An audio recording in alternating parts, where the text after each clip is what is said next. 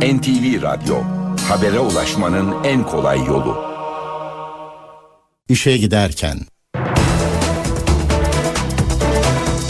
Mutlu sabahlar. Ben Aynur Altunkaş. Bugün 14 Eylül Cuma. İşe giderkenle karşınızdayız. Saat 9'a kadar Türkiye ve dünya gündemindeki gelişmeleri, gazete manşetlerini, ekonomideki son verileri, yol ve hava durumlarını aktaracağız. İşe giderken gündemin öne çıkan başlıklarıyla başlıyor.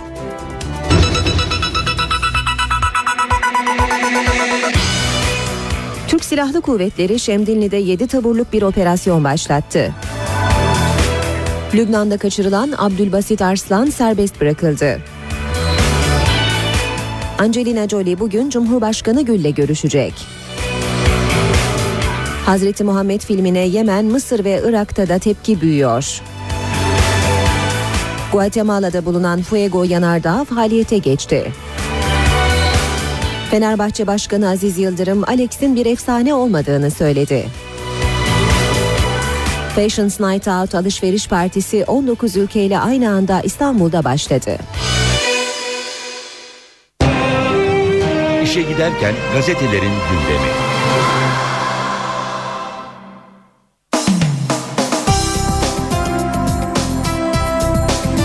Basın özetlerine Hürriyet gazetesiyle başlıyoruz. Provokasyon çetesi diyor Hürriyet manşette. Hazreti Muhammed'e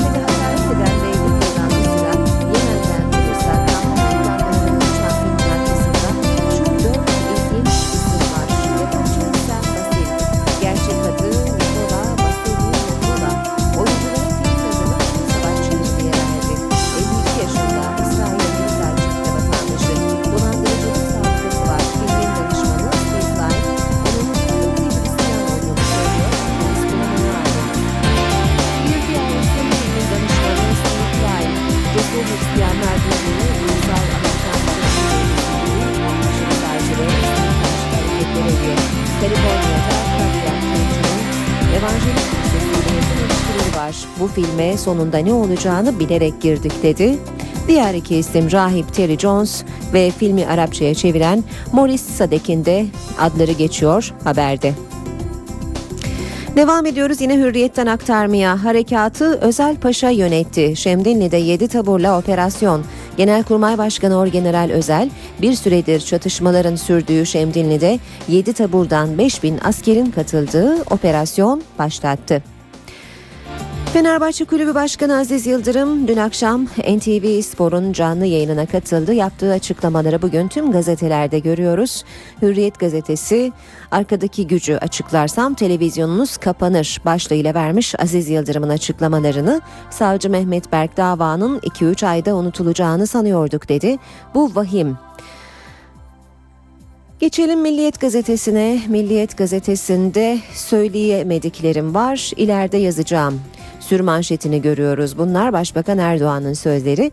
Erdoğan Türk Silahlı Kuvvetleri ile ilgili soruları yanıtlarken her şeyi her zaman her yerde söyleyemeyiz ama Allah izin verirse bunları ileride kaleme alacağız dedi.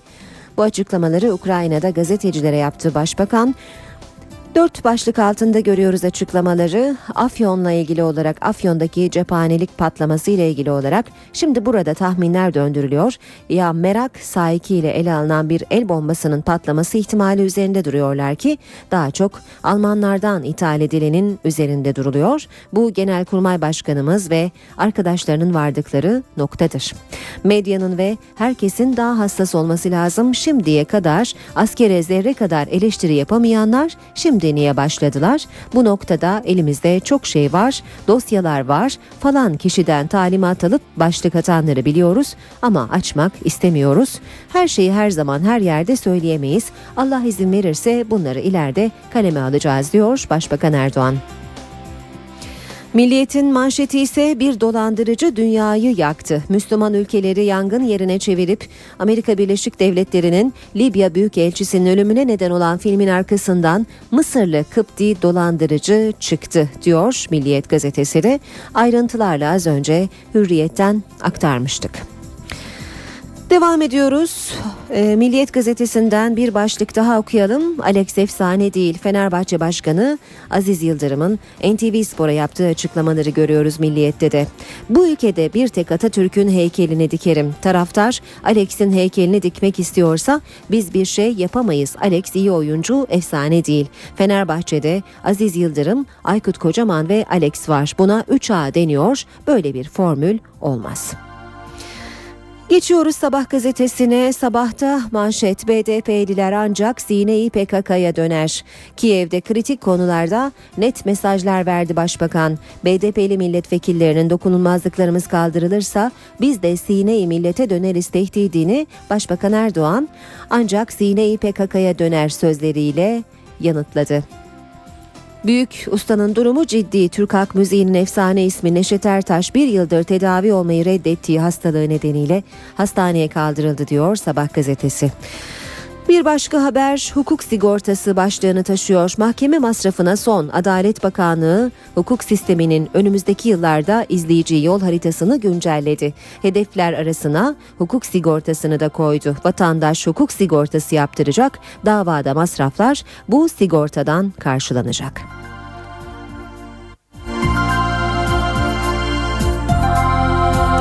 Vatan gazetesiyle devam ediyoruz. Cuma korkusu demiş Vatan manşette. Hazreti Muhammed'i aşağılayan filme öfke dinmiyor. Libya'dan sonra dün de Yemen'de Amerikan Büyükelçiliği basıldı. Bugün Cuma namazı sonrası şiddetin tırmanmasından endişe ediliyor demiş Vatan gazetesi. Bir başka haber devlet polisini de koruyamadı. Genç polis Esra eski sevgilisini tehdit ediyor diye Ankara'da savcılığa şikayet etmişti.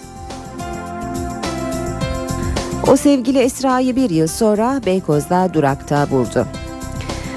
Hollywood yıldızı Angelina Jolie aynı zamanda Birleşmiş Milletler özel temsilcisi dün Türkiye'deki sığınma kamplarını ziyaret etmişti. Bugün gazetelerde görüyoruz Jolie'nin izlenimlerini. Vatanda böylesini görmedim başlığı var. Birleşmiş Milletler özel temsilcisi Jolie 12.500 Suriyeli mültecinin kaldığı Kilis Öncü Pınar kampına övgü yağdırdı. Konteyner kente yaptığı 4 saatlik ziyarette büyük acı çeken ailelere sınırlarını açtığı için Türkiye'ye teşekkür ettiğini söyleyen Jolie, Suriyeli çocukları dinlerken gözyaşlarını tutamadı. Oscar'lı Yıldız, Türk hükümeti büyük cömertlik göstererek bu olağanüstü kampı kurmuş, hiçbir yerde böyle kamp görmedim dedi.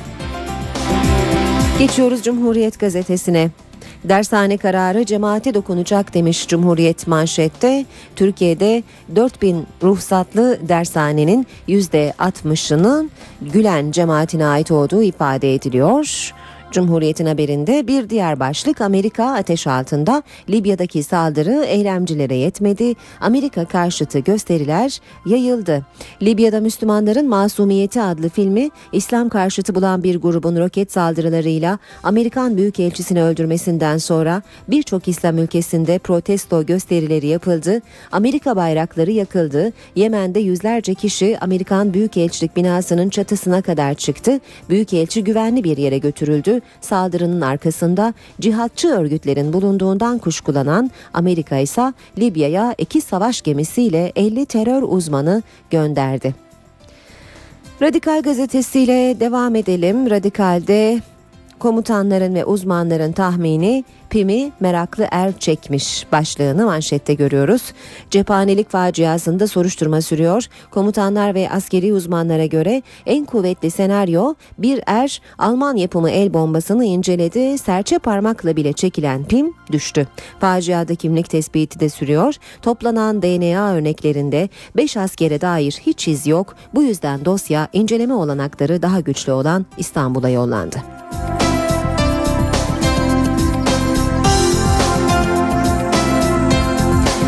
Akşam gazetesi var sırada. Akşamda özgürlüğün fotoğrafı manşeti var. Beyrut'ta silahların gölgesinde verdiği röportajda kurtarın beni diye sessiz çığlık atan Aydın Tufan Tekin serbest bırakılmasından hemen sonra Marmaris'teki evinin kapılarını açmış ürkütücü bodrum katında sıcacık bir kucaklaşmayla ona moral veren Şenay Yıldız'a bu kez Tekin sarıldı diyor akşam haberinde. Bir diğer başlık örgüt lideri olamam bu şike davası değil. Fenerbahçe Başkanı Aziz Yıldırım'ın NTV Spor'a yaptığı açıklamalar başlıklar halinde akşamda. Bu şike davası değil ben örgüt lideri olamam. Varsayım üzerine suçlanıyoruz. 105 yıllık kulübü böyle yıkamazsınız. Yüz kızartıcı suçtan tutuklanmadım. Savcı bana Fenerbahçe'yi şampiyon yaptığın için içeri alındın dedi.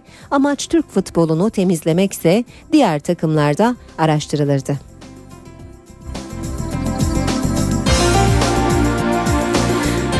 Habertürk gazetesiyle devam ediyoruz. Patlama meraktan mı demiş Habertürk'te manşette. Erdoğan askerlerin Afyon'daki patlamanın nedeni için ne düşündüğünü Kiev'de açıkladı. Merak sahikiyle ele alınan Alman malı el bombasının patlaması ihtimali üzerinde duruyorlar. Zaman gazetesine bakalım. Zamanda manşet darbe zemini için Doğu Berlin'den gelen mermileri bizzat gördüm. Yazar Rıfat Ilgazanoğlu, Aydın Ilgaz'ın açıklamaları var.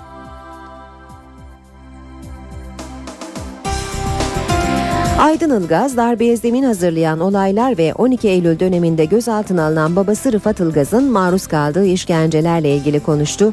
Ilgaz, Cide'de yakalanan 1,5 milyon mermiyi kendisinin saydığını ifade ediyor. Darbeden sonra verem olan babasına askeri doktorun sağlam raporu verdiğini söylüyor. Ve son olarak Yeni Şafak'a bakacağız. Ara bulucular boşuna yorulmasın. İsrail'de barıştırma girişimlerine cevap. Başbakan Erdoğan, Türkiye-İsrail ilişkilerinin normalleştirilmesine dönük ara buluculuk gayretlerini değerlendirdi. Erdoğan, cevabımız bellidir. Birincisi özürdür, ikincisi tazminattır, üçüncüsü Filistin'de ambargonun kaldırılmasıdır. Eğer bu üçünü garantiye sağlama alacak varsa evet deriz, yoksa ara bulucuların yorulmasına gerek yok dedi. Ve Yeni Şafak'ın manşeti Arap Baharı'na derin darbe, öfke Yemen'e sıçradı. Peygamberimize ve İslam'a ağır hakaretler içeren Yapım Müslüman dünyasını karıştırdı. Kahire'de günlerdir süren protestolar ve Bingazi'de Amerikan Büyükelçisi'nin öldürülmesinin ardından Yemen'deki Amerikan Büyükelçiliği de hedef oldu. Yapımcısı dahi tespit edilemeyen provokatif filmin özellikle Arap Baharı yaşayan ülkelerde etkili olması dikkat çekti. Basın özetleriyle bu bölümü noktalıyoruz. Reklamlar için şimdi kısa bir molamız var. Ardından gündeme yakından bakmaya devam edeceğiz.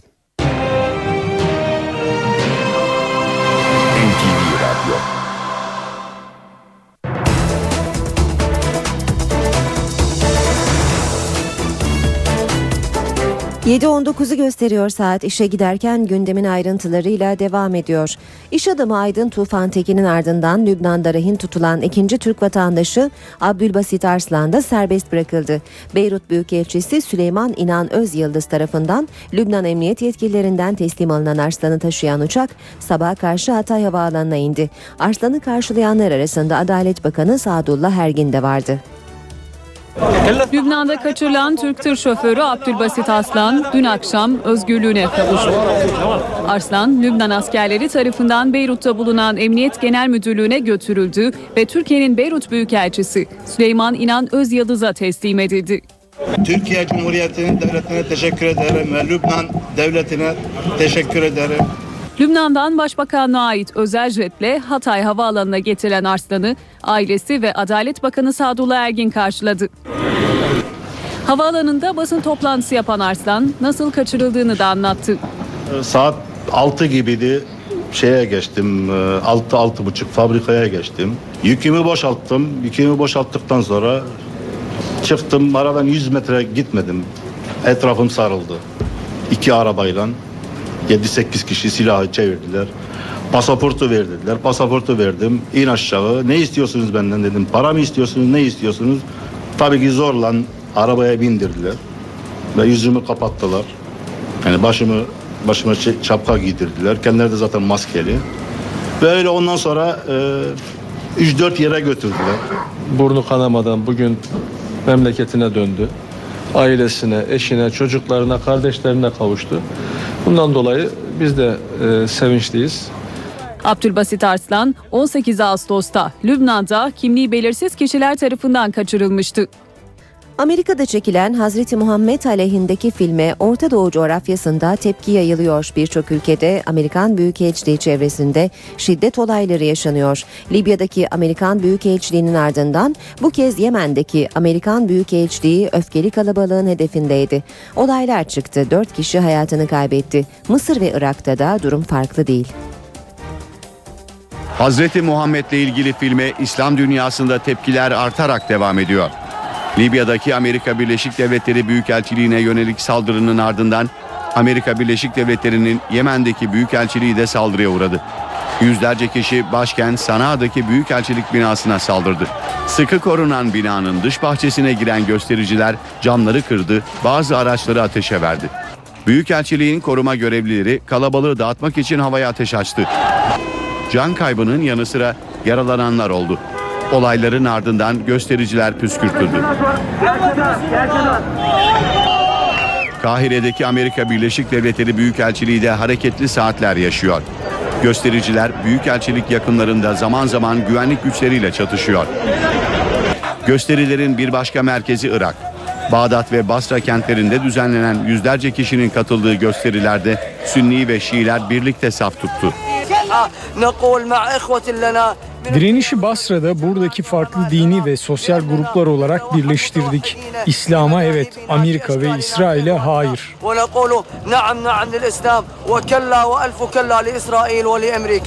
Amerika Birleşik Devletleri karşıtı sloganlar atıldı, Amerikan bayrağı yakıldı. İran ve Bangladeş'te de protestocular sokaklara döküldü.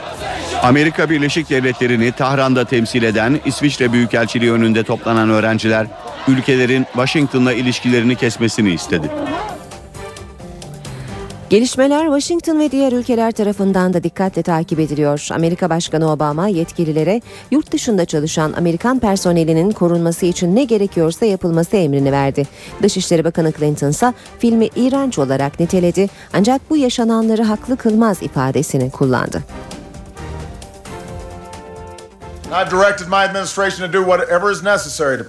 Hükümet çalışanlarına yurt dışında görev yapan Amerikalıların korunması için ne gerekiyorsa yapılması talimatını verdim. Bu konu en büyük önceliğim. ABD ile işbirliği yapmak ve ABD vatandaşlarını korumak zorunda olan diğer hükümetlerle de temas halindeyiz.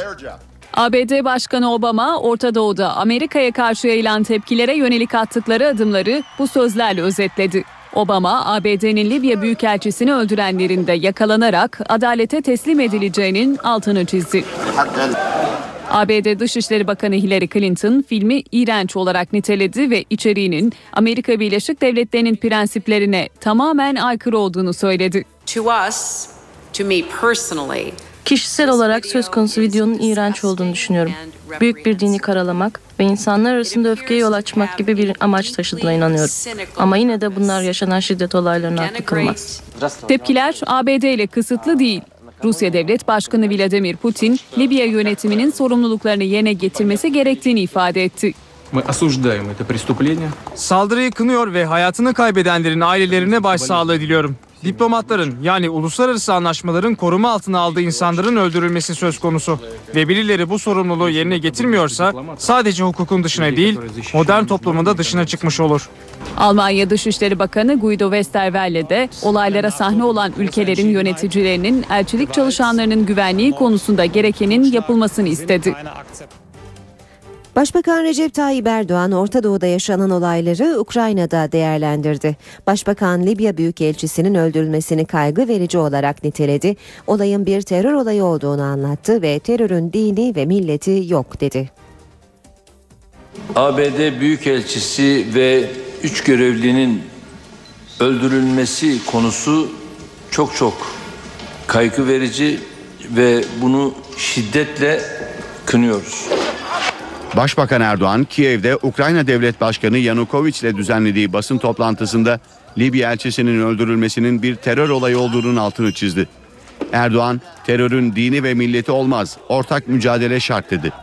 Terörle mücadeleyi biz her zaman karşısında olduk. Zira şu anda yine terörle mücadele içinde olan bir ülkeyiz. Bunun ne olduğunu çok iyi biliriz. Her türüyle mücadelede kararlılığımız var.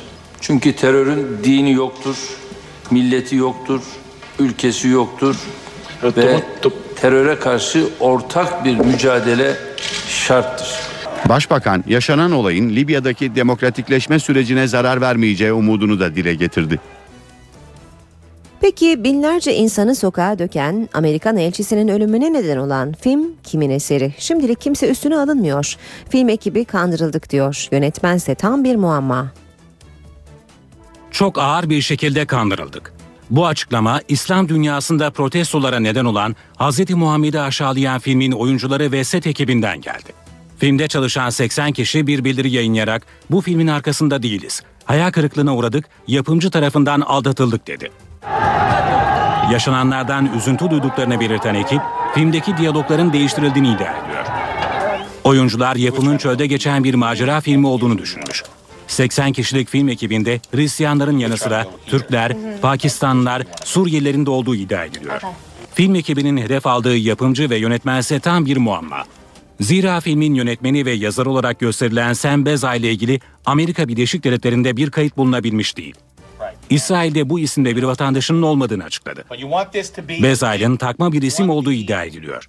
Ulaşılabilen tek yetkili filmi çeken şirketin müdürü Nakuala Bassadeh. Bassaley, Mısırlı Hristiyan olduğunu ve filmin yönetmeninin amacının da Müslümanların Mısırlı Hristiyanlara yönelik tutumuna dikkat çekmek olduğunu belirtti. Filmi Bassaley'in çekmiş ve Sembezay takmadığını kullanmış olabileceği iddia ediliyor. Amerika'nın Libya Büyükelçisi'nin ölümüyle sonuçlanan olay Arap Baharı ile ilgili tartışmaları alevlendirdi. Amerikan ve İngiliz basını Arap Baharı'nın hiçbir zaman göründüğü gibi olmadığına vurgu yaptı. Ayrıca yaşanan iktidar değişiklikleriyle kökten dinciliğin bölgede güçlendiğine dikkat çekti. Trying to help build a better Libya. O bir diktatörü engellemek için hayatını riske attı ve daha iyi bir Libya inşa etme uğruna hayatını kaybetti. Özgürleşmesine yardım ettiğimiz bir ülkede, yıkımdan kurtardığımız bir kentte böylesi bir olay nasıl yaşanır anlamıyorum. Libya'da Amerikan Büyükelçisi'nin ölümüyle sonuçlanan olaylarla birlikte Arap Baharı yeniden gündemde. Bingazi ve Kaire'de yaşananların Arap Baharı'na bakışı değiştirebileceği yorumları yapılıyor. Amerikan New York Times gazetesine göre yaşanan olaylar halk ayaklanmaları ile birlikte Mısır ve Libya'da iş başına gelen yönetimler üzerinde Amerika'nın etkisinin sınırlı olduğunu ortaya koydu. İngiliz Guardian gazetesi de artık batılı ülkelerin rahatsızlık verici gerçeklerle yüzleşmesi gerektiğini yazdı. Gazeteye göre yaşananlar Arap Baharı'nın devirdiği iki rejimin ülkede aslında kökten dinciliği halktan uzak tuttuğunu gösterdi. Diktatörler döneminde baskı altında olan radikal dinci selefilerin şimdi özgürce hareket edebildikleri belirtildi. İngiliz Independent gazetesi de batılı medyanın Arap Baharı sırasında Kaddafi güçlerini kötü, muhalifleri ise iyi olarak gösterdiğini ama gerçeklerin çok daha karmaşık olduğunu yazdı. Muhaliflerin çok daha anarşist ve çok daha saldırgan olduklarının ortaya çıktığı vurgulandı. Son yaşanan olayların daha da büyümesi halinde Arap Baharı'nı yaşayan ülkelerde demokratikleşme sürecinin sekteye uğrayabileceğine de dikkat çekildi. Spor haberleriyle birazdan devam edeceğiz ama önce kısa bir ara, aradan önce de gündemin başlıklarını hatırlatalım.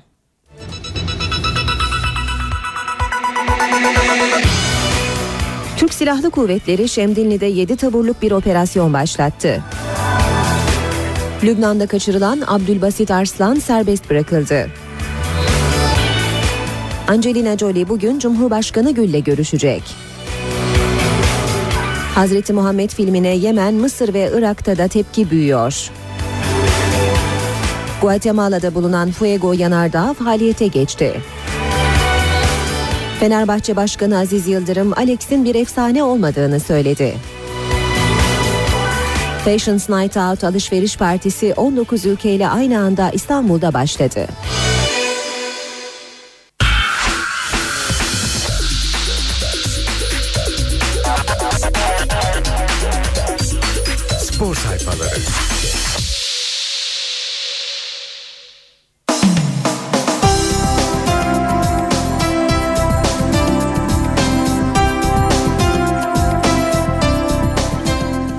Saat 7.36 NTV Radyo'da işe giderken spor haberleriyle devam ediyor.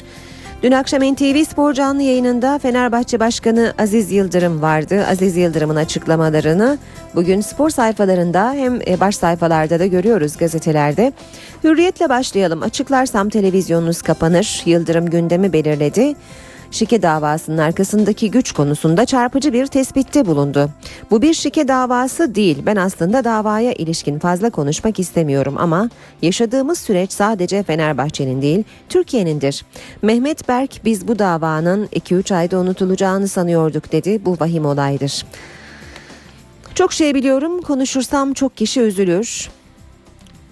Başlığını yine görüyoruz Aziz Yıldırım'ın açıklamalarının e, yanında. Öncelikle üye sayısını artıracağım. Şimdi hedef 10 milyon üye. Çalışmalar yapılıyor. Kongreye iletilecek. Orada da kabul edilirse yürürlüğe girecek. Aidattan gelen parayla amatör şubelere para amatör şubelere aktarılacak. Galatasaray ile ilgili konulara girersem bu program bitmez. Galatasaray'ın bizi nasıl gördüğü beni ilgilendirmez. Onların düşündükleri bizi ilgilendirmez. Türkiye'de Aziz Yıldırım yokken hangi yıldız buraya geliyordu? Ha Hacı de artık bitmiş diye geldi. Milli takıma çağrılmayan sadece Alex ve Christian var. Türkiye Spor Yazarları Derneği önce kendi işlevini yerine getirsin sonra gelsin benimle muhatap olsun. Bütün akreditasyonları ben yapacağım. Devletin atletizme hiçbir katkısı yok. 10 milyon lira açığımız var. Yelkende açık 3 milyon lira. Voleybol kadın şubesinde 2 milyon lira gibi açığımız var. Alex efsane olmasa da antrenörümüz olabilir. O iyi bir oyuncu, kaptanımız. Heykeli bana soruldu, ben de yapın dedim. Sorgulamam ama bu ülkede sadece Atatürk'ün heykelini diker ve gider onu açarım. Aziz Yıldırım'ın açıklamaları Hürriyet gazetesinde.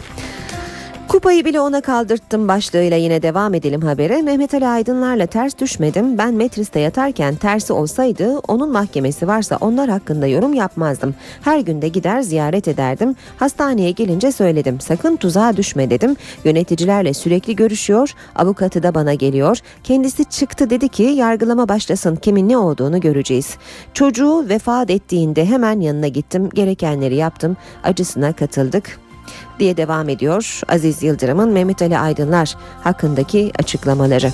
Ömrüm yetene kadar mücadeleye devam edeceğim de yine Yıldırım'ın sözlerinden bir cümle. Hürriyetten aktarmaya devam edelim. Selçuk ve Hamit'i harcamam, harcamamak lazım. Ünal Aysal milli takımda mutsuz olan futbolcularına sahip çıktı. Hoca bu oyuncuları kazanmak istiyorsa heyecanlarını kırmamalı. Milli takım taraftarı Ünal Aysal olarak Hamit ve Selçuk gibi yıldız oyunculara daha sıcak yaklaşılması gerektiğine inanıyorum. Galatasaray Yönetim Kurulu'nda 15 yönetici çok fazla. Neticede herkes bir iş yapmak isterken yeterli verim alınamıyor. Fatih Terim'le 2 yıl daha anlaşmamız var. Bu süre dolduktan sonra uzatıp uzatmama konusunda karar veririz. Galatasaray hissesi almadım almam. Aysal kendisini kulübü sahiplenmekle itham eden Taner Aşkın'a bu sözlerle yanıt vermiş. Devam ediyoruz hürriyetten aktarmaya. Kuarejma askıda kaldı, kriz sürüyor. Kıran'la menajer Bulut'un 4 saatlik görüşmesinden sonuç çıkmadı. Yönetici Kıran Portekizli Yıldız'la çalışmak istemediklerini söylerken Bulut 2013'e kadarki tüm alacaklarını öderseniz sözleşmeyi feshederiz dedi. Devam ediyoruz. Her şey planlandığı gibi başlığı var. Suat Kılıç Mersin'deki stadyumun 20 Haziran 2013 tarihine yetişeceğini belirtti. Akdeniz oyunları için Mersin'de incelemede bulunan Gençlik ve Spor Bakanı yapılan çalışmaların zamanında biteceğini söyledi. Ve son başlık onlara her yer deplasman. Savaş yaralarını futbolla saramıyorlar. Sağ avantajından mahrum olmalarına rağmen hem Irak hem de Libya 2014 Dünya Kupası'na gitme şansını sürdürüyor. Suriye ise daha önce elendiği için maç yapmıyor. Irak ve Libya milli takımları güvenli olmadığı için ülkelerinde oynayamıyor. Zico Brezilya'da yaşıyor. Maçlardan önce Irak'a ya da kamp yaptıkları ülkeye gidip takımını hazırlamaya çalışıyor. Irak milli takımına 4,5 milyon euro değer biçilirken en pahalı oyuncuları 500 bin euro ile Erbil'de oynayan Mahdi Karim. Spor haberleri aktarmaya Milliyet gazetesiyle Devam ediyoruz. Önce Aziz Yıldırım'ın açıklamalarına bakalım. Yıldırım dün NTV Spor'da katıldığı canlı yayında açıklamalarda bulundu. Alex efsane değil başlığıyla yer almış haber. Başkan Aziz Yıldırım merak edilen sorulara ilginç yanıtlar verdi. Brezilyalı Yıldız'la Aykut Kocaman arasındaki e, problemi basının yarattığını söyleyen Yıldırım, bu ülkede bir tek Atatürk'ün heykelini dikerim, taraftar Alex'in heykelini dikmek istiyorsa biz bir şey yapamayız. Alex iyi oyuncu, kaptanımız efsane değil, efsane başka bir şey, öyle efsane olunmaz dedi. Ardından durumu düzeltti. Attığı gollerden dolayı efsane diyebiliriz. Ben örgüt lideri olamam. Yalnız biz değil Beşiktaş, Sivas ve Trabzon'da işin içinde.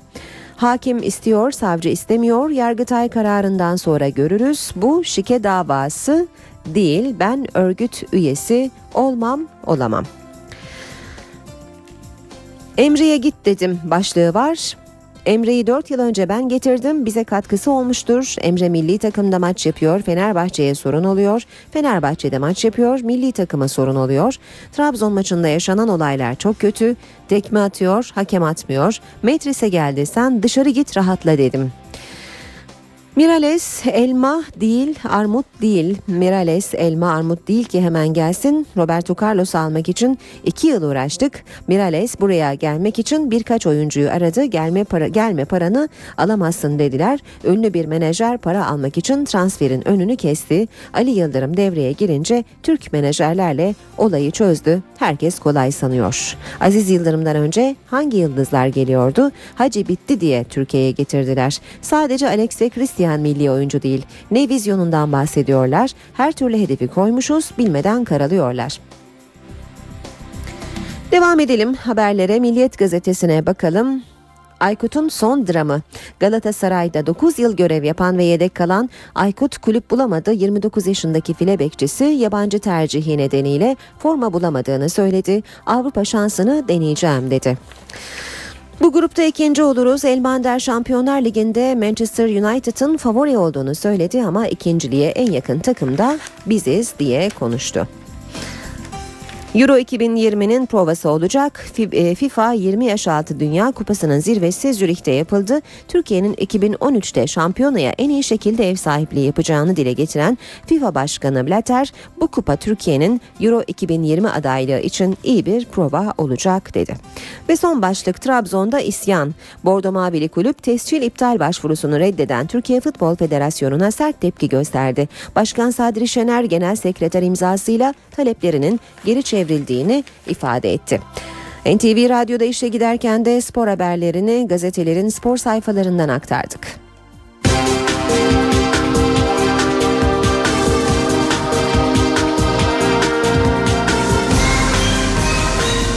İşe giderken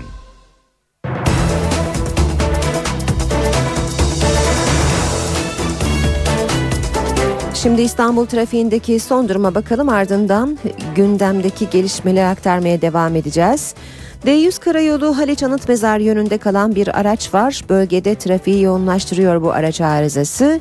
Bir diğer başlık e, bir diğer e, uyarı da Kadıköy'deki yol çalışmaları ile ilgili olacak. Ayrılık Çeşme'deki e, yol yapım çalışmaları sebebiyle Kadıköy'de trafik özellikle Rıhtım, Harem ve Kızıl Toprak geçişlerinde zaman zaman yoğunlaşıyor. Bu önemli bilgiyi de aktaralım. Köprülere bakalım. Şu sıralarda Fatih Sultan Mehmet Köprüsü'nde Anadolu Avrupa geçişinde yoğunluk Ümraniye'de başlıyor. Köprü üzerine kadar devam ediyor. Ters yönde ise Avrupa Anadolu geçişinde ise gişelerin gerisinden başlayan bir katı yoğunluk var. Etiler katılımında trafik e, yoğun seyrediyor ve köprü üzerine kadar da bu yoğunluk devam ettikten sonra köprüyü geçtikten sonra yerini akıcı bir trafiğe bırakıyor. Boğaziçi Köprüsü'nde Anadolu Avrupa geçişinde Acıbadem Köprüsü'nden başlayan bir yoğunluk var. Köprü üzerine kadar süren bu yoğunluk köprüyü geçtikten sonra rahatlıyor. Ee, ancak Nakkaştepe katılımının da yoğun seyrettiğini söyleyelim. Bu arada TEM üm bağlantısında Ümraniye namazgahtan itibaren de yoğun olduğunu söyleyelim trafiğin. Avrupa Anadolu geçişinde Mecidiyeköy'den başlayan yoğunluk birinci köprüyü geçtikten sonra devam ediyor bir süre daha. Bu arada Yıldız katılımının e, da yoğun olduğunu e, söylemekte fayda var. TEM otoyolunda yoğun trafiği özellikle iki telli ve Karayolları Mahallesi arasında görüyoruz. Ters yönde trafik Metris'ten Tekstil kente kadar devam ediyor yoğun olarak ardından e, Mahmut Bey'e kadar oldukça açık bir trafiğin olduğunu gözlemliyoruz. Yeni Bosna'da da E5 karayolunda da trafik yoğun. Bu arada bir araç arızası da küçük çekmecede küçük çekmece avcılar yönünde kalan bir araç trafiği yoğunlaştırıyor. İşe giderken Şimdi gündeme yakından bakmaya devam edeceğiz. Türk Silahlı Kuvvetleri Şemdinli'de 7 taburluk bir kuvvetle büyük bir operasyon başlattı. Operasyonun bir bölümünü Genelkurmay Başkanı Orgeneral Necdet Özel de izledi. Yaklaşık 5 bin askerin katıldığı operasyon ağırlıklı olarak Hakkari Dağı ve Komando Tugayı'na, Özel Kuvvetler Komutanlığı'na ve Jandarma Özel Harekata bağlı taburlarca gerçekleştiriliyor. Genelkurmay Başkanı beraberindeki Kara ve Hava Kuvvetleri komutanları Şemdinli'de başlayan ve 7 taburun katıldığı geniş kapsamlı operasyonla ilgili bilgi aldı. Genelkurmay Başkanı Özel operasyonun bir bölümünü de yerinde izledi. Şemdinli'de önceki gün teröristlerle çıkan çatışmada şehit olan askerlerin sayısı dörde yükseldi. Şehit askerlerden biri de onbaşı Erol Erdi'ydi. Erdi katıldığı ilk operasyonda şehit düştü. Hakkari'deki şehit sayısı 2 idi 4 oldu. İki askerin daha şehit haberi geldi. Şemdinli'de çarşamba günü güvenlik güçleriyle PKK'lı bir grup arasında çatışma çıktı. Çatışmada önce uzman çavuş Hakan Balta ve uzman onbaşı Ersan Sancı şehit oldu. Ardından iki acı haber daha ulaştı. Piyade uzman çavuş Ferhat Kaplan Giray ile uzman onbaşı Erol Erdi de hayatını kaybetmişti. Acı haber Kaplan Giray'ın memleketi Kayseri'ye ulaştı. Baba ocağı bayraklarla donatıldı. Ailesi üzgündü.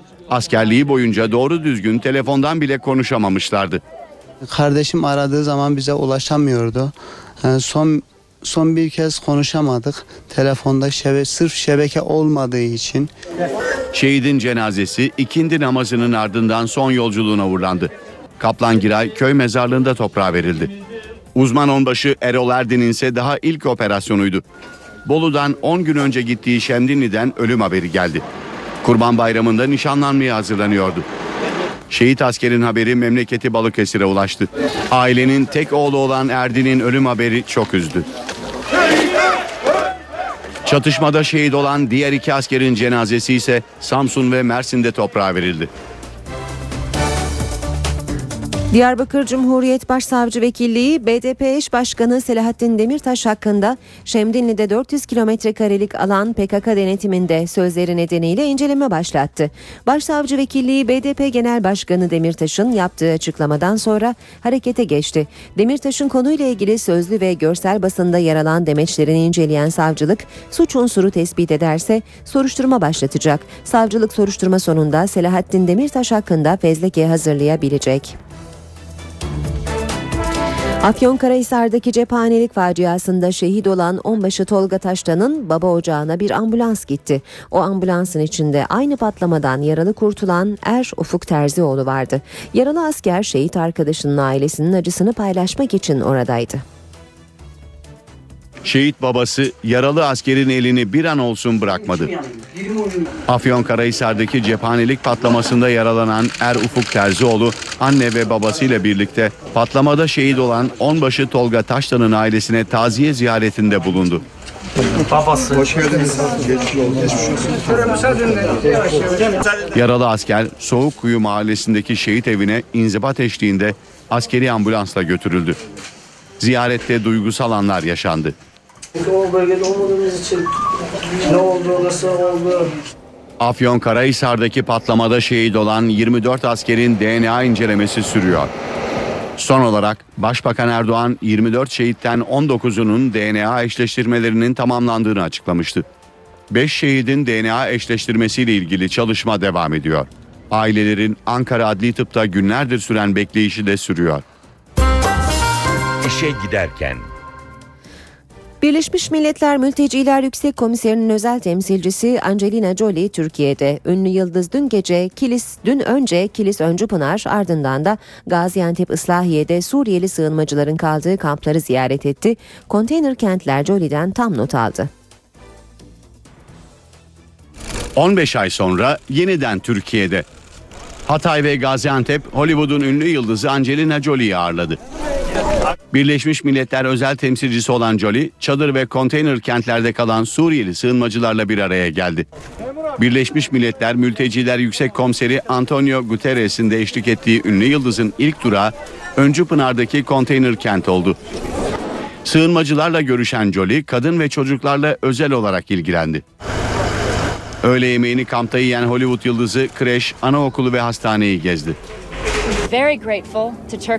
Buradaki aileler Türk halkına ve Türk hükümetine minnettarlar. Türk hükümeti büyük cömertlik göstererek bu olağanüstü kampı kurmuş. Gerçekten çok etkileyici. Hiçbir yerde bunun gibi bir kamp görmedim. Suriyeli savunmacıların kaldığı Kilis'teki kampta tam 4,5 saat kaldı. Birleşmiş Milletler özel temsilcisi Angelina Jolie şimdi Birleşmiş Milletler konvoyuyla ikinci durağına Gaziantep'teki çadır kente gidiyor. Jolie'yi görmek isteyenler Islahiye'deki çadır kentin çevresinde uzun süre bekledi. Hala göremedik. Artık bekliyoruz yarım saattir falan. Göreceğiz inşallah. Görene kadar buradasınız. Görene kadar buradayız. Ayrılmayacağız. Jolie, Islahiye'de de Suriyeli sığınmacılarla görüştü, hastaneyi ziyaret etti. Ziyaret sırasında bölgede alınan yoğun güvenlik önlemleri dikkat çekti. Dün Kilis ve İslahiye'de Suriyeli sığınmacıların kaldığı çadır kentleri ziyaret eden ünlü aktris Angelina Jolie Ankara'ya geçti. Jolie bugün Çankaya Köşkü'nde Cumhurbaşkanı Abdullah Gül tarafından kabul edilecek. Jolie Esenboğa Havaalanı'nda Dışişleri Bakanlığı yetkilileri tarafından karşılandı. Kaldığı otelde Ankara'daki Birleşmiş Milletler yetkilileriyle kısa bir görüşme yaptı. Ünlü Yıldız bugün Birleşmiş Milletler Mülteciler Yüksek Komiseri Antonio Guterres ile birlikte Cumhurbaşkanı Abdullah Gül tarafından kabul edilecek. Jolie Başbakan Yardımcısı Beşir Atalay, İçişleri Bakanı İdris Naim Şahin ve Dışişleri Bakan Yardımcısı Naci Koru ile de görüşmelerde bulunacak. Jolie kamplara yaptığı ziyaretlere ilişkin izlenimlerini Türk yetkililerle paylaşacak. NTV Radyo, habere ulaşmanın en kolay yolu. Günaydın herkese yeniden ben Aynur Altunkaş. NTV Radyo'da birlikteyiz. Sırada hava durumu var. Türkiye'nin lider araç takip sistemi Arvento hava durumunu sunar. NTV Meteoroloji ilminden merhaba. Güney rüzgarlar bugün Güney Ege ve Akdeniz'de, hafta sonu ise ülke genelinde sıcaklıkları yükseltecek ve hafta sonu yurt genelinde yazdan kalan günlerin yaşanmasına sebep olacak. Pazartesi günü ise rüzgarın yeniden kuzeye dönmesiyle sıcaklıklar Trakya'dan başlayarak azalacak. Bugün için batı kesimlerde sıcaklıklar yükselirken güney rüzgarların taşıyacağı çöl tozları özellikle batı kesimleri etkileyecek. İç kesimlerde de sıcaklıklar yükselmeye devam edecek ve özellikle hafta sonu iç ve doğu kesimlerde de sıcaklıklar yükselecek. Bugün yurt yanı önemli bir yağış beklemiyoruz. Gün içinde Doğu Karadeniz'de yerel yağışlar görülebilir. Yarın da yurt genelinde yağış yok. Sıcaklıklar yükselmesini sürdürecek. Akşam saatlerinde ise Trakya'da bulutlanma artacak ve pazar günü Trakya'da hafif yağış geçişleri görülebilecek.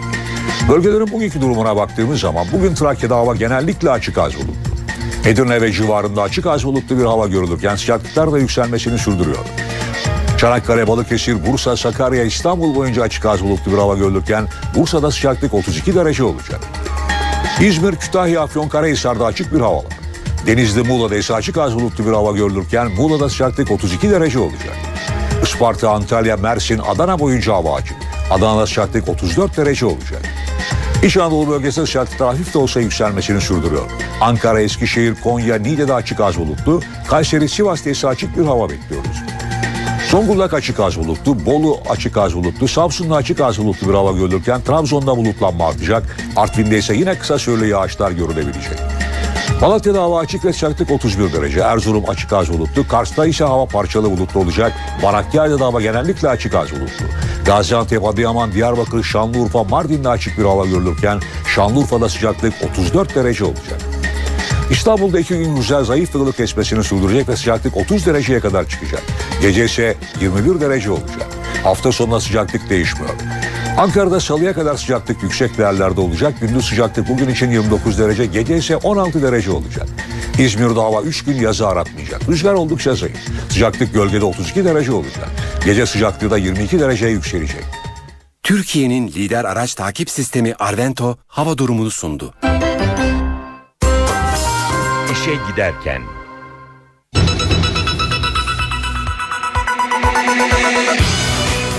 Türk Silahlı Kuvvetleri Şemdinli'de 7 taburluk bir operasyon başlattı.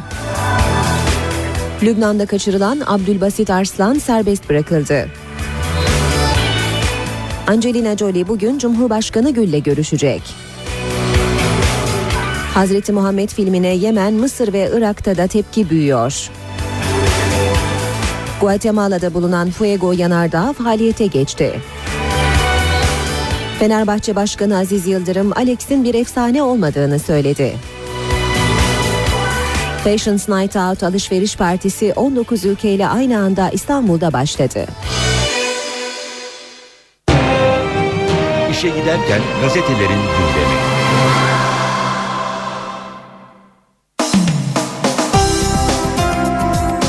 Gazetesiyle basın özetlerine başlıyoruz. Provokasyon çetesi diyor manşeti Hürriyet'in. Hazreti Muhammed'e hakaret eden ve Libya'dan Mısır'a, Yemen'den Tunus'a kanlı ayaklanmalara yol açan filmin arkasında şu dört ilginç isim var. Sam Basail yapımcı. Gerçek adı Nicola Baseli Nicola. Oyunculara filmin adını Çöl Savaşçıları diye verdi. 52 yaşında İsrail-Amerika çifte vatandaşı dolandırıcılık sabıkası var.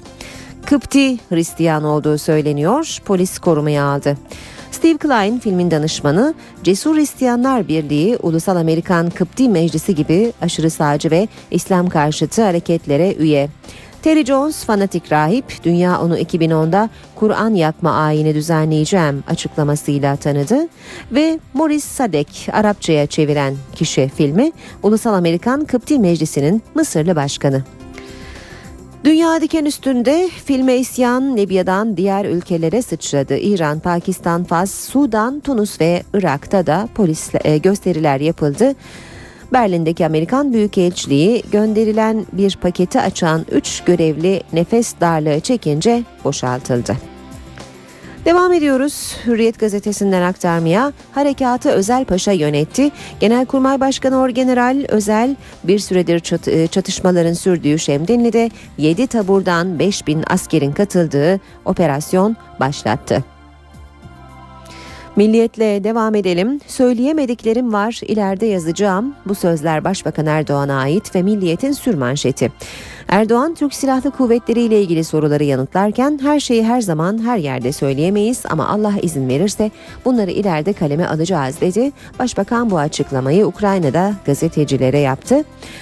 Afyonkarahisar'daki patlama ile ilgili olarak sorulara şöyle yanıt vermiş Başbakan. Şimdi burada tahminler döndürülüyor. Ya merak sahikiyle ele alınan bir el bombasının patlaması ihtimali üzerinde duruyorlar ki daha çok Almanlardan ithal edilenin üzerinde duruluyor. Bu Genelkurmay Başkanımız ve arkadaşlarının vardıkları noktadır. Medyanın ve herkesin daha hassas olması lazım. Şimdiye kadar askere zerre kadar eleştiri yapamayanlar şimdi niye başladılar? Bu noktada elimizde çok şey var, dosyalar var. Falan kişiden talimat alıp başlık atanları biliyoruz ama açmak istemiyoruz. Her şeyi her zaman her yerde söyleyemeyiz ama Allah izin verirse bunları ileride kaleme alacağız. Bir başka başlık Milliyet'te manşette bir dolandırıcı dünyayı yaktı. Müslüman ülkeleri yangın yerine çevirip Amerika'nın Libya Büyükelçisi'nin ölümüne neden olan filmin arkasından Mısırlı Kıpti dolandırıcı çıktı diyor Milliyet haberinde. Fenerbahçe Kulübü Başkanı Aziz Yıldırım dün akşam NTV Spor'un e, canlı yayınındaydı. Aziz Yıldırım'ın açıklamaları tüm gazetelerde hem birinci sayfalarda hem de spor sayfalarında genişçe yer buluyor. Alex efsane değil başlığıyla Milliyet'ten okuyalım. Bu ülkede bir tek Atatürk'ün heykelini dikerim. Taraftar Alex'in heykelini dikmek istiyorsa biz bir şey yapamayız. Alex iyi oyuncu, efsane değil. Fenerbahçe'de Aziz Yıldırım, Aykut Kocaman ve Alex var. Buna 3A deniyor. Böyle bir formül olmaz. Bu takımın patronu Kocaman'dır. Her yetkiyi vermişiz. Oyuncuyla hoca arasında problem yaratıyorlar. Şike dosyasında ne varsa sorumlusu benim. Benim için insanlar hapiste yattı. Bu şike davası değil. Ben örgüt üyesi olmam, olamam. Devam ediyoruz basın özetlerine Vatan Gazetesi'ne bakalım. Cuma korkusu demiş Vatan manşette. Hazreti Muhammed'i aşağılayan filme öfke dinmiyor. Libya'dan sonra dün de Yemen'de Amerikan Büyükelçiliği basıldı. Bugün Cuma namazı sonrası şiddetin tırmanmasından endişe ediliyor. Böylesini görmedim. Birleşmiş Milletler Özel Temsilcisi Angelina Jolie, 12.500 Suriyeli mültecinin kaldığı Kilis Önce Pınar kampına övgü yağdırdı. Oscar'lı Yıldız, Türk hükümeti büyük cömertlik göstererek bu olağanüstü kampı kurmuş, hiçbir yerde böyle kamp görmedim dedi. Oscar'lı Yıldız Suriyeli çocukları dinlerken de gözyaşlarını tutamadı. Geçiyoruz Sabah gazetesine sabahta manşet. BDP'liler ancak Sine-i PKK'ya döner. Kiev'de kritik konularda başbakan net mesajlar verdi.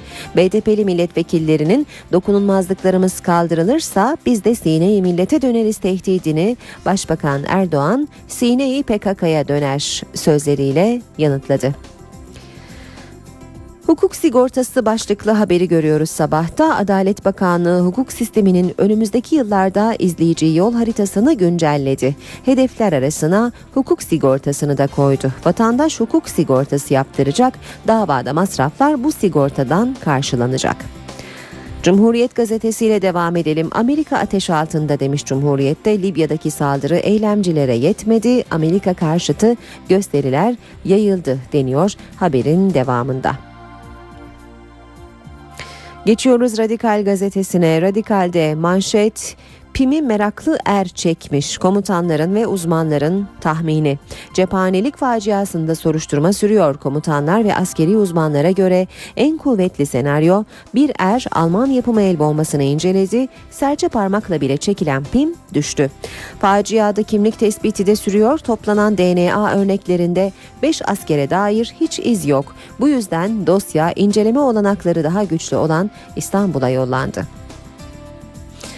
Obama'dan Libya'ya dört koldan çıkarma başlığı var. Hazreti Muhammed aleyhindeki filme tepkiler sürerken Amerikan Amerika Birleşik Devletleri Büyükelçisinin öldürüldüğü Libya'ya iki savaş gemisi yolladı. Bir FBI ekibi de devrede. Başkan Obama Libya ve Mısır liderlerini aradı. Haber Türkiye bakalım. Haber Türk'te manşet patlama meraktan mı? Erdoğan askerlerin Afyon'daki patlamanın nedeni için ne düşündüğünü Kiev'de açıkladı.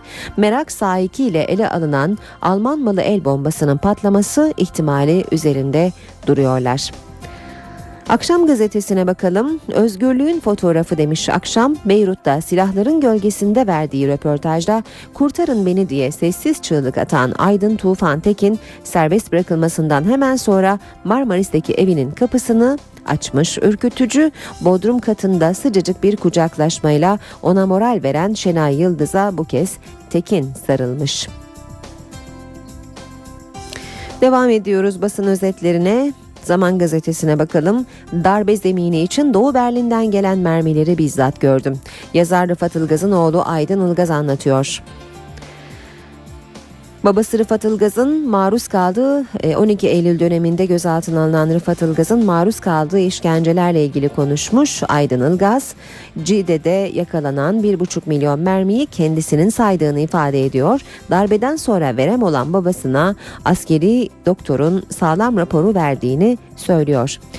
Ve Yeni Şafak'la bitireceğiz basın özetlerini. Arap Baharı'na derin darbe manşeti var peygamberimize ve İslam'a ağır hakaretler içeren Film Müslüman dünyasını karıştırdı. Kahire'de günlerdir süren protestolar ve Bingazi'de Amerikan Büyükelçisi'nin öldürülmesinin ardından Yemen'deki Amerikan Büyükelçiliği de hedef oldu. Yapımcısı dahi tespit edilemeyen provokatif filmin özellikle Arap Baharı yaşayan ülkelerde etkili olması dikkat çekti.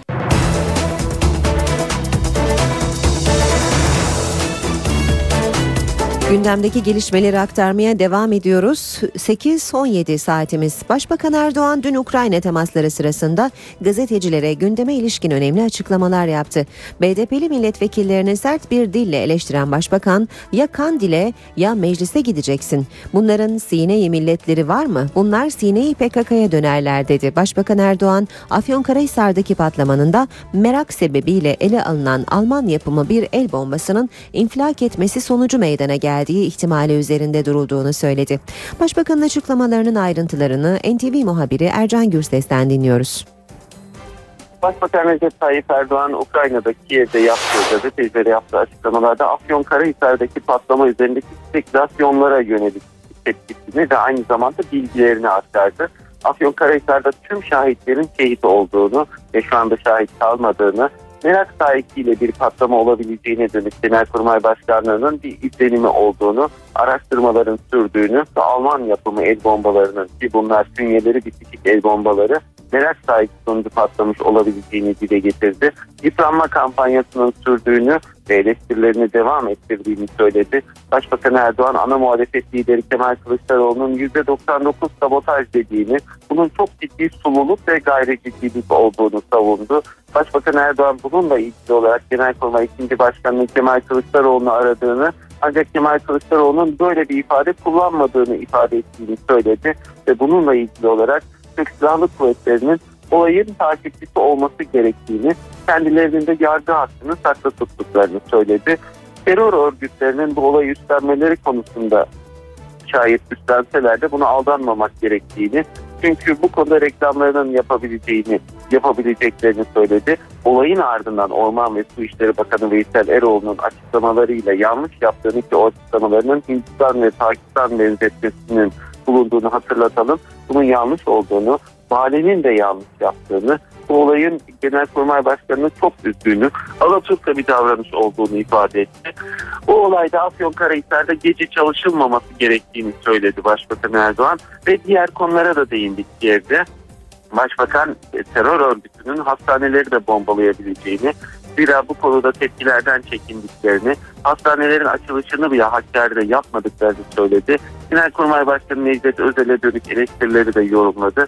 İstifa olmasaydı Işık Koşaner'in iki yıl önceki istifasının olmaması durumunda Necdet Özel'in Genelkurmay Başkanı olmayacağını ancak 10 yıl önce kimsenin Genelkurmay Başkanı'nın eleştirmesine cesaret dahi edemediğini ve o dönemde tabiri yerindeyse kendi tabiriyle Genelkurmay Başkanı'nın önünde herkesin el pençe divan durduğunu söyledi Başbakan ve bildikleri çok şey olduğunu, bu bildiklerini şu anda söyleyemeyeceklerini, bunları ileride kaleme almayı düşündüğünü ifade etti.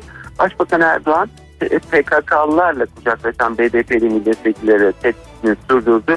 Gidip teröristle kucaklaşıyorsunuz. Sizin sini millete dönme hakkınız yok dedi dokunulmaz eleştirilerinin ardından. Siz dönseniz dönseniz sineyi PKK'ya dönersiniz. Milletin sinesine bunlara yer yoktur ifadesini kullandı ve Suriye tarafından düşürülen uçakla ilgili olarak Başbakan Yardımcısı Beşir Atalay'ın füzeyle düşürüldüğü iddiası ve değerlendirmesinin nihai bir rapor olmadığını kesinleşince herkesle paylaşacaklarını söyledi. Başbakan Erdoğan'ın son sözleri de partinin ana iskeletini değiştirmeyecekleri yönündeydi. MKYK'nın değişmesi yönünde 3 dönem şartı bulunmadığını, 3 dönem şartının sadece genel başkan, il ilçe başkanları ve milletvekillerini kapsadığını, ana iskeleti değiştirmeyeceklerini ama hücre tazelenmesini yapacaklarını söyledi. Başbakan Erdoğan'ın Kiev'deki açıklamaları bu şekildeydi. Dokunulmazlıkların kaldırılması gündeme gelirse parlamento ile ilişkilerimizi gözden geçiririz diyen BDP eş başkanı Selahattin Demirtaş bu kez Başbakan Tayyip Erdoğan'a zeytin dalı uzattı. Demirtaş'tan sonra BDP'li Sebahat Tuncel de Kürt sorununun çözümü için acilen müzakere sürecinin başlatılmasını istedi. MHP ise BDP'lilerin dokunulmazlıkların kaldırılması önerisinin millet egemenliğinin korunması için gerekli olduğu görüşünde. Daha önce dokunulmazlıkların kaldırılması gündeme gelirse parlamento ile ilişkilerimizi gözden geçiririz diyen BDP eş başkanı Selahattin Demirtaş, dokunulmazlıkların sınırlandırılmasına karşı olmadıklarını ifade etti. BDP eş başkanı bu tartışmanın birkaç BDP'li milletvekili üzerinden yapılmasının ilkesizlik olduğunu söyledi. Başbakan Erdoğan'a zeytin dalı da uzatan Demirtaş, süreç ne kadar gerilimli, üslup ne kadar sert olursa olsun gemileri yaktık dememek lazım dedi. Demirtaş'tan sonra BDP'li Sabahat Tuncel de masadan kalkmayacaklarını söyledi, müzakere sürecinin başlatılmasını istedi. Bizim görmek istediğimiz kare şu, bu ülkede e, Kürt halkıyla Türkiye halklarının eşit ve özgür yurttaşlık temelinde kucaklaşmasıdır. Kürt sorun çözümü konusunda daha somut adımlar atılması ve derhal müzakerelere başlanmasıdır. Biz sizin o terörist dediğiniz halkın çocuklarıyız aynı zamanda. Halkın bağrından gelmişiz. O yüzden bakın bizim dokunulmazlık dosyalarımızın hepsi bu kapsamdadır. BDP'lilerin dokunulmazlıklarının kaldırılması önerisini ortaya ilk atan MHP ise bu teklifin bir an önce hayata geçmesini istiyor. Milletin birlik ve bütünlüğünün ve millet egemenliğinin çok daha hassas olduğunu düşünüyorum. Millet egemenliği korunması gereken bir değerdir. Silah egemenliği değil. Ne millet egemenliği ne siyasi partiler. incinmemeli ve korunmalıdır. Milletin vicdanı yaralanmamalıdır. Milletin vicdanı daha hassastır.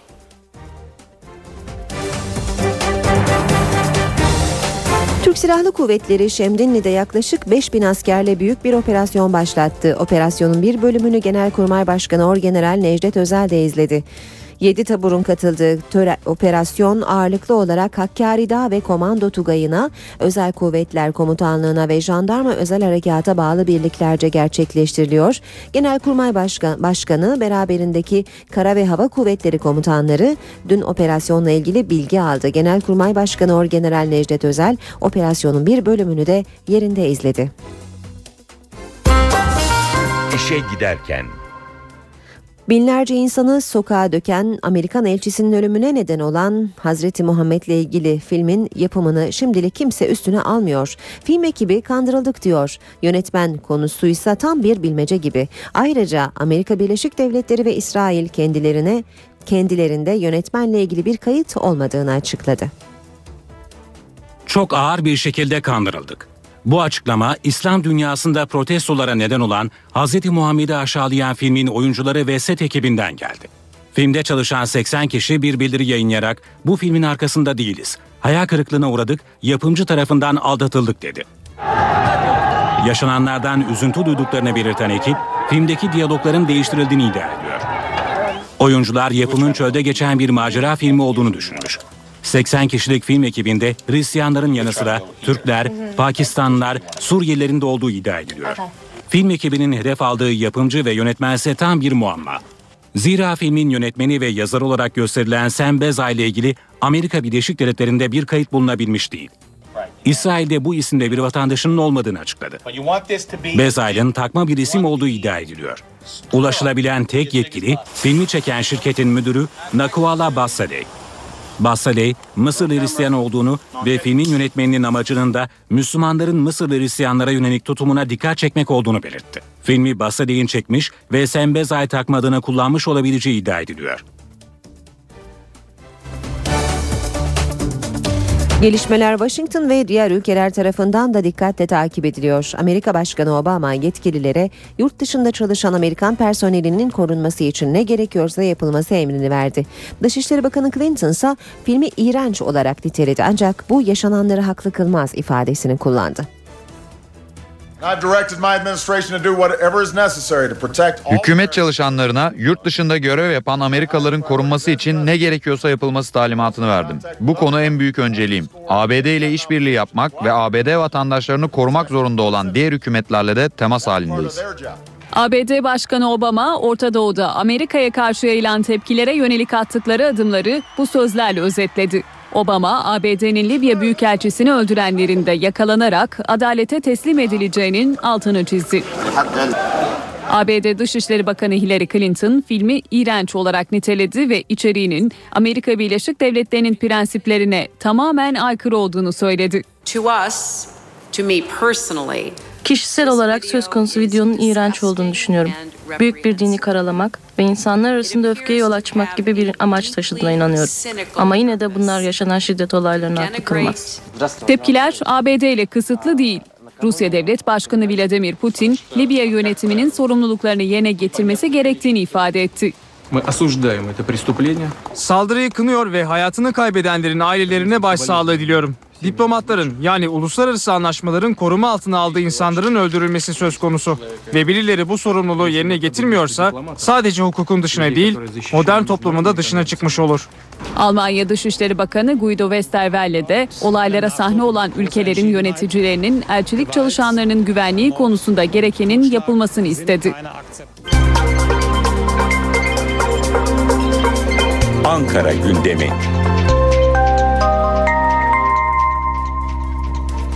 Başkent gündeminin ayrıntılarını Borayhan Gülcü'den alıyoruz.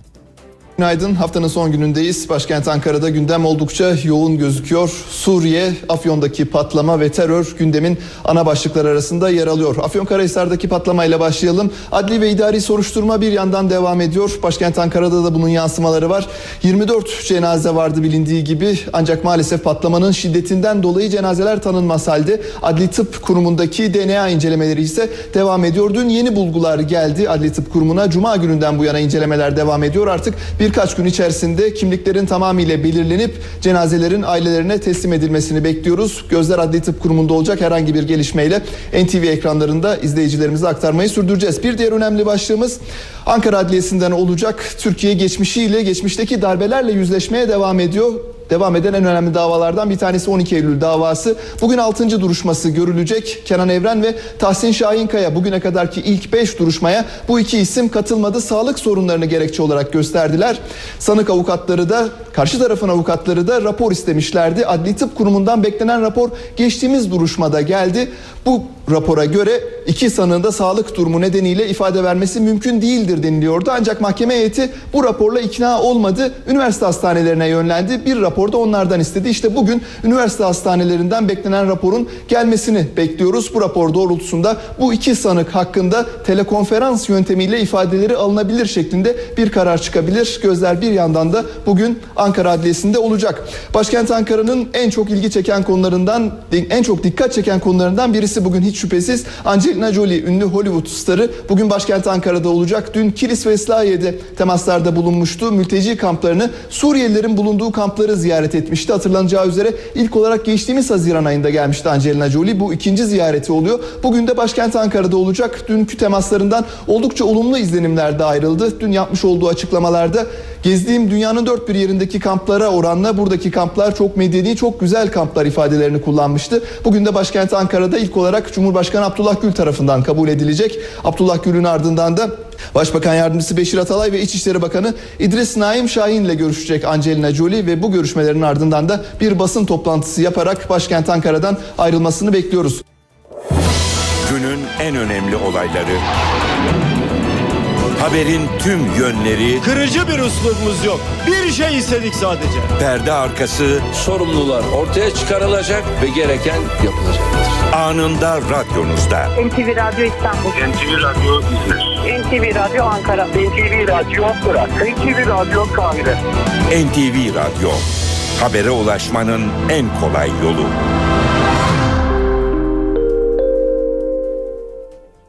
Birazdan piyasalara bakacağız. Önce gündemin başlıklarını hatırlatalım.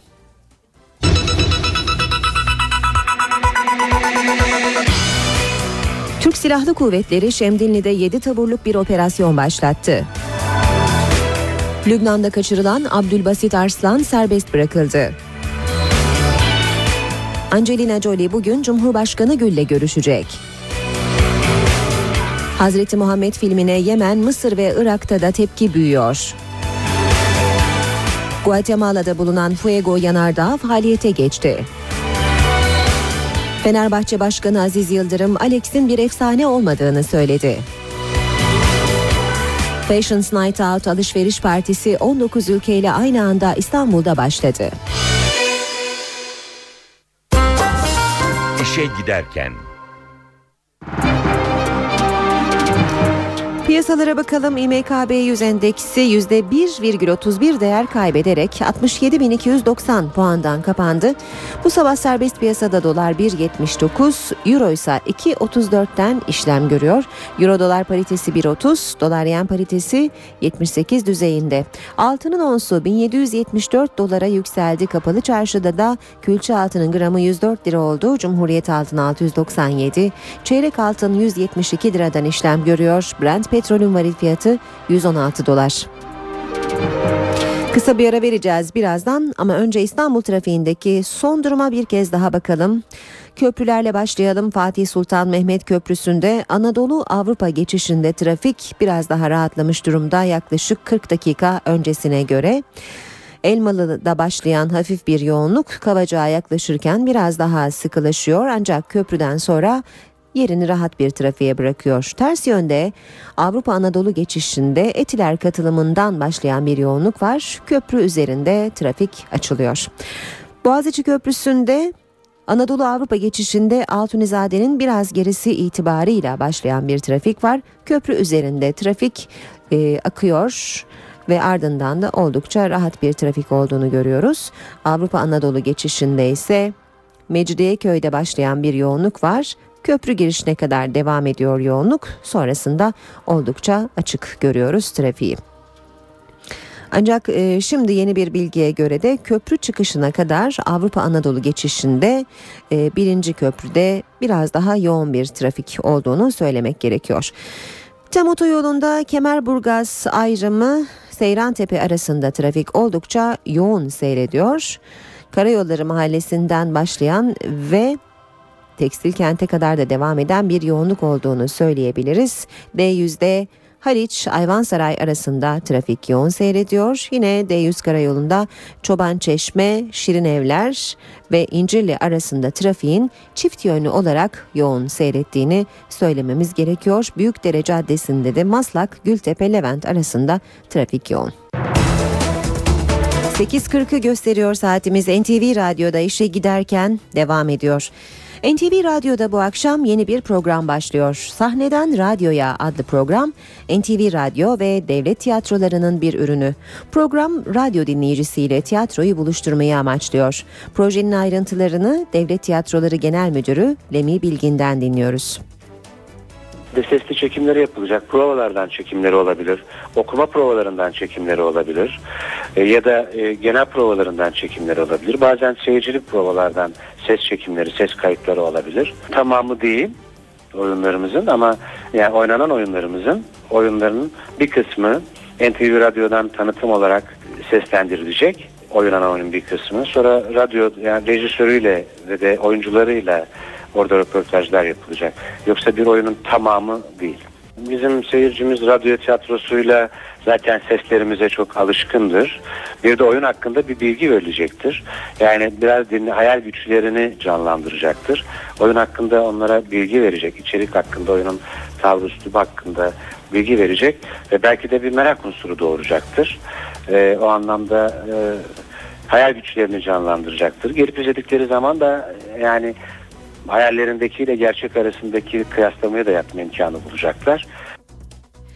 Bu arada hemen belirtelim sahneden radyoya programının ilk oyunu Michelangelo tiyatro oyuncusu Atilla Şenel'in anlatımıyla sahneden radyoya bugün saat 22.10'da NTV Radyo'da başlıyor. Programın tekrarını ise pazar günü saat 18.10'dan itibaren NTV Radyo'dan dinleyebilirsiniz. İstanbullular gece yarısına kadar alışverişin tadını çıkardı. Vogue dergisi tarafından düzenlenen Fashions Night Out'ta renkli bir akşam yaşandı. İstanbul'da Nişantaşı, Bağdat Caddesi ve İstinye Park'ta gece yarısına kadar moda ve indirimli alışveriş rüzgarı esti. Modanın en büyük alışveriş partisi üçüncü kez İstanbul'daydı. Alışveriş tutkunları gece yarısına kadar %40'a varan indirimlerle alışveriş yaptı. Vogue Fashions Night Out 3 farklı adresteydi. Fashions Night Out modanın en büyük alışveriş partisi. Biz buna öyle diyoruz çünkü gerçekten bu partide tasarımcılar var, modeller var, ünlüler var.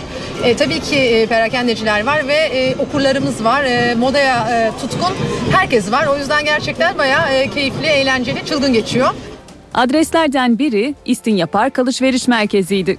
Geceye özel tasarlanan çanta ve tişörtler Tohum Otizm Vakfı için satıştaydı. Bu çantalar bizim için özel Arzu Kaprol tarafından dizayn edildi ve Tohum Otizm Vakfı'nda e, öğrenim gören çocukların bursları için kullanılacak. Buradan elde edilen gelir bu gece. Ben bu geceyi aslında şöyle diyorum ya modanın yılbaşı akşamı. E, çünkü dergilerin Eylül sayıları moda sektörü için çok önemli. Bir de üstüne bu gece eklenince gerçekten bir yılbaşı coşkusu yaşanıyor moda dünyasında. Bir diğer adres de Bağdat Caddesi'ydi. Kadıköy'de de alışveriş rüzgarı devam etti. Ee, esnaf memnun ve mutlu.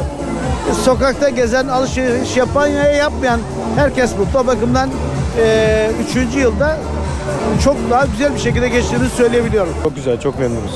Sanki bir Rio karnavalı gibi aynı aynı, aynı atmosferleri yaşıyoruz. Nişantaşı'nda da renkli görüntüler vardı. Hızlı nüfus artışı ve tükenen doğal kaynaklar nedeniyle en çok etkilenen sektörlerden biri turizm sektörü olacak. TÜSİAD Sürdürülebilir Turizm raporuna göre Türkiye çevresel sürdürülebilirlik açısından dünyada 85. sırayı alarak geride kaldı. Turizm tüm dünyada gelişiyor. 2012 verilerine göre dünyadaki gelirin neredeyse %10'u turizmden. 6,5 trilyon dolarlık pastada 260 milyon kişi istihdam ediliyor. Her sektörde olduğu gibi turizm nedeniyle de çevreye zarar faktörleri doğuyor. Türkiye'nin içinde bulunduğu dünya turist gelirlerinin yaklaşık üçte birini, dünya turizm gelirleri ile yatak kapasitesini ise yaklaşık dörtte birini elinde tutan Akdeniz çanağın olan seyrinde devam ederse önümüzdeki yüzyılın sonunda tamamen kirlenmesi beklenmektedir ki bu turizm için çok ciddi bir e, felaket olur. TÜSİAD Sürdürülebilir Turizm raporuna göre dünya ölçeğinde sera gazı salınımının %5'i turizm yüzünden. 2035'te ise bu oran %130'ları bulacak. Ancak önlemler de yolda. Yeşil Yıldız uygulaması. Birkaç yıldır bunun üzerinde çalışıyoruz ve sanıyorum bir bakanlar kurulu kararı önümüzdeki süreçte çıkacak. Çevreye duyarlı tesislere yani Yeşil Yıldız almış olan tesislere bunu vermek konusundaki kararlılığımız aynen sürüyor. 30 kadar tesisinde sırada olduğunu biliyorum. Çevreye duyarlı değilse 5 yıldız almasın kardeşim. Yani bugün bu çağda benim standartlarımda en yüksek yüksek ölçüyü, en yüksek belgeyi almaması gerekir düşüncesi değil? Fenerbahçe Spor Kulübü Başkanı Aziz Yıldırım şike davasıyla kendisiyle ilgili bir karalama kampanyası yürütüldüğü iddiasını yeniledi. Futbol Aktüel programında NTV Spor'un canlı yayın konuğu olan Yıldırım, kendisi hakkında yeterli delil olmadan silahlı suç örgütü yöneticiliğiyle suçlandığını savundu. Yıldırım kendisini suçlu göstermek için hakkında sürekli farklı iddialar ortaya atıldığını da söyledi. Bir kere biz şikeden dinlemedik. Çünkü dinlendiğimiz tarihte şike Türkiye'de suç değildi. Biz silahlı örgütten dinlendik. Ben ve Mahmut Özgener silahlı örgütten dinlendik. Eğer siz Türkiye Cumhuriyeti'nde 25 milyon taraftarı olan bir kulübün başkanlığı, her gün ortada olan bir insanı eğer devlet olarak elinizde hiç bilgi, belge yokken silahlı bir örgütten dinliyorsanız bu yanlış bir şey olduğunu ben düşünüyorum. Bir kirlilik yaratıldı. Ve sanki Aziz Yıldırım'ın evinde ve bu şahıslarla beraber bizim hepimizde silahlar bulunmuş gibi bir olgu yaratılmaya çalışıldı. Onun arkasından işte efendim biz kaçacağız. Benim mezarım belli o burada. Beni kimse kaçıramaz yani. Metris'e giderken e, kağıtta Metris'e teslim tutanaklarında 6222'nin işte bilmem kaçıncı maddesinden şike e, suçundan diye yazıyordu. Halbuki ben silahlı örgütten değilim. Silahlı örgütten şey yaptılar. Oraya şikeyi yazdılar. Sonra mahkemeye de başladıktan sonra mahkemeler baktılar ki bu da olmuyor. Kanun değiştirdi. Burada da Sayın Başbakan'a teşekkür ediyorum. O dönemde bu hadiseleri gördü ve kanunun değişmesi için o da kendi e, ekiplerine çalışmalar yaptırdı ve onun sayesinde de bu kanun bugünkü ağır olmasına rağmen bugünkü duruma geldi. Kadın vali olmamalı, kaymakam da olmamalı. Bu sözler Erzurum Girişimci Kadınlar Derneği Başkanı Zekiye Çomaklı'ya ait. Çomaklı'nın bu ilginç önerisine gerekçesi ise kadının duygusal ve narin olması. Vali kadın vali olmamalı. Olmamalı. Kaymakam da olmamalı. Gecenin bir saatinde ata atlayıp farklı köye bir ot yangını olduğu zaman giderilmeli. Toplantının konusu çalışma hayatında toplumsal cinsiyet eşitliğinin geliştirilmesi. Ama Erzurum Girişimci Kadınlar Derneği Başkanı Zekiye Çomaklı'nın görüşleri aksi yönde. Çomaklı söz aldı, kadınların idarecilik görevine uygun olmadığını söyledi. Kadın naziktir, kim desin. Kadın narindir, duygusaldır. Emir verebilmeli. Yumruğunu vurduğu zaman herkes zekiye değil, ince adam değil. Yumruğunu vurduğu zaman ses gelmesin, herkes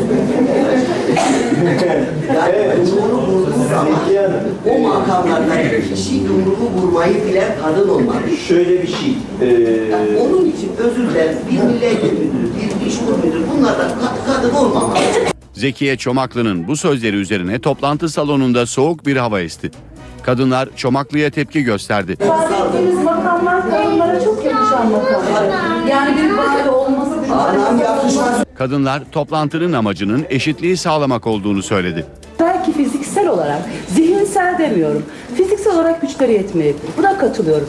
Ama biz zaten şu toplantıları ve bu projeleri karar mekanizmalarında olamadığımız için yapıyoruz.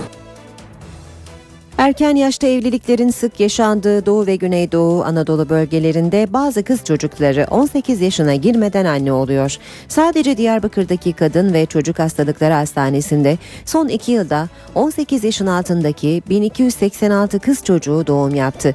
Uzmanlara göre erken yaşta gebelik hem anne hem de bebek için büyük risk taşıyor. Diyarbakır'da son 2 yılda 18 yaşın altında toplam 1286 kız çocuğu doğum yaptı. Bu çarpıcı veri Güneydoğu'da birçok kentten hastaya hizmet veren Diyarbakır Kadın ve Çocuk Hastalıkları Hastanesi'ne ait. Uzmanlara göre acil önlem alınması şart. Özellikle bizim bölgemizde de yaygın olan bir durum. Bu bir sosyolojik bir olgu. Bu sosyolojik olgunun multidisipliner bir çalışmayla nedenlerinin ortaya konulması gerekiyor.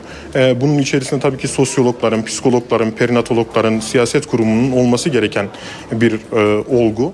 18 yaş altı gebeliklerde erken doğum, düşük, gebelik zehirlenmesi gibi riskler de daha fazla. Bunlar nasıl doğum öncesi bakımlar olmadığı gibi doğum sonrası bakımlarında da ciddi problemler var. Ee, tabii ki e, oyun çağından e, gebe kalan, oyun çağından çıkıp hemen gebe kalan e, kızlarda ki e, psikolojik olarak travmayı bu yaşanan büyük travmayı ortaya koymak aslında çok da zor bir durum değil olmasa gerek. Programımızı kapatmadan önce gündemin önemli başlıklarına kısaca göz atalım. Öncelikle bugün Başbakan Erdoğan'ın Ukrayna temasları sırasında gazetecilere yaptığı açıklamalar konuşulacak gibi görünüyor. Erdoğan gündemi değerlendirirken BDP'li milletvekillerini sert bir dille eleştirdi. Yakan dile ya meclise gideceksin. Bunların sine milletleri var mı? Bunlar sine PKK'ya dönerler ifadelerini kullandı. Başbakan Erdoğan Afyonkarahisar'daki patlamayla ilgili olarak da patlamanın merak sebebiyle meydana geldi geldiği ihtimali üzerinde durulduğunu söyledi. Günün beklenen görüşmelerinden biri Angelina Jolie ile Cumhurbaşkanı Gül arasında olacak. Dün Kilis ve İslahiye'de Suriyeli sığınmacıların kaldığı çadır kentleri ziyaret eden ünlü oyuncu bugün Çankaya Köşkü'nde Abdullah Gül tarafından kabul edilecek. Dün akşam NTV Spor'da canlı yayına katılan Fenerbahçe Kulübü Başkanı Aziz Yıldırım'ın açıklamaları da günün önemli başlıklarından biri. Yıldırım açıklamalarında şike davasıyla kendisiyle ilgili bir karalama kampanyası yürütüldüğü iddiasını yeniledi. Ayrıca Alex'le ilgili yaptığı yorumlarda Alex'in takım için değerini hatırlattı ama onun bir efsane olmadığını söyledi. İşe giderkenden bugünlükte bu kadar. Ben Aynur Altunkaş. Saat başında gelişmelerle yine karşınızda olacağız. Hoşçakalın. NTV Radyo, habere ulaşmanın en kolay yolu.